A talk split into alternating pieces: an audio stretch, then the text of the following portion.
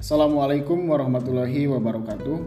Perkenalkan, nama saya Muhammad Gandal Juandana, peserta Latsar Angkatan 48 Provinsi Jawa Barat.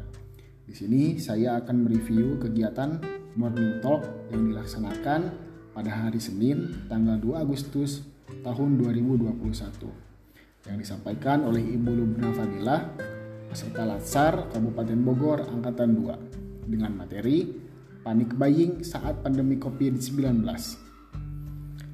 Panik buying adalah sebuah situasi di mana banyak orang tiba-tiba membeli makanan, bahan bakar, dan lain-lain sebanyak mungkin. Karena mereka khawatir akan sesuatu yang buruk yang mungkin terjadi. Serta jenis perilaku yang ditandai dengan peningkatan cepat dalam volume pembelian.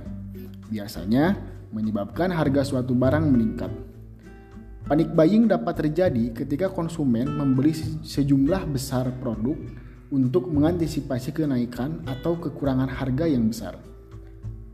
Cara mengatasi panik buying yaitu satu, Pembatasan jumlah pembelian. Salah satu dampak terjadinya panik buying adalah penggunaan barang yang tidak tepat sasaran. Banyak konsumen yang sengaja membeli masker dalam jumlah banyak padahal memiliki kondisi tubuh yang sehat. Hal ini kemudian merugikan mereka yang sakit dan lebih membutuhkan masker saat stok kosong. Melakukan pembatasan pembelian setidaknya dapat mengurangi dampak buruk dari panik buying ini. 2. Menindak oknum curang. Memanfaatkan momen genting untuk meraup untung yang lebih besar, perlu adanya langkah tegas untuk memberi efek jerah pada oknum-oknum semacam ini.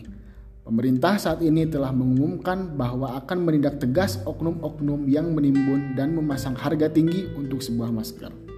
Tentunya, dalam menyikapi hal seperti ini, kita sebagai ASN perlu memahami informasi yang benar dan valid. Jangan karena melihat situasi pandemi yang semakin tidak terkendali, kita terbawa ke situasi panik seperti ini. Salah satunya dengan cara memilah dan memilih informasi dari sumber yang benar Tentunya ini untuk menghindari penyebar luasan berita hoax serta disarankan untuk melakukan smart buying atau yang disebut dengan belanja cerdas yaitu membeli kebutuhan yang semestinya dan menyebarkan informasi positif, jelas, terbuka, dan proporsional. Sekian terima kasih. Assalamualaikum warahmatullahi wabarakatuh.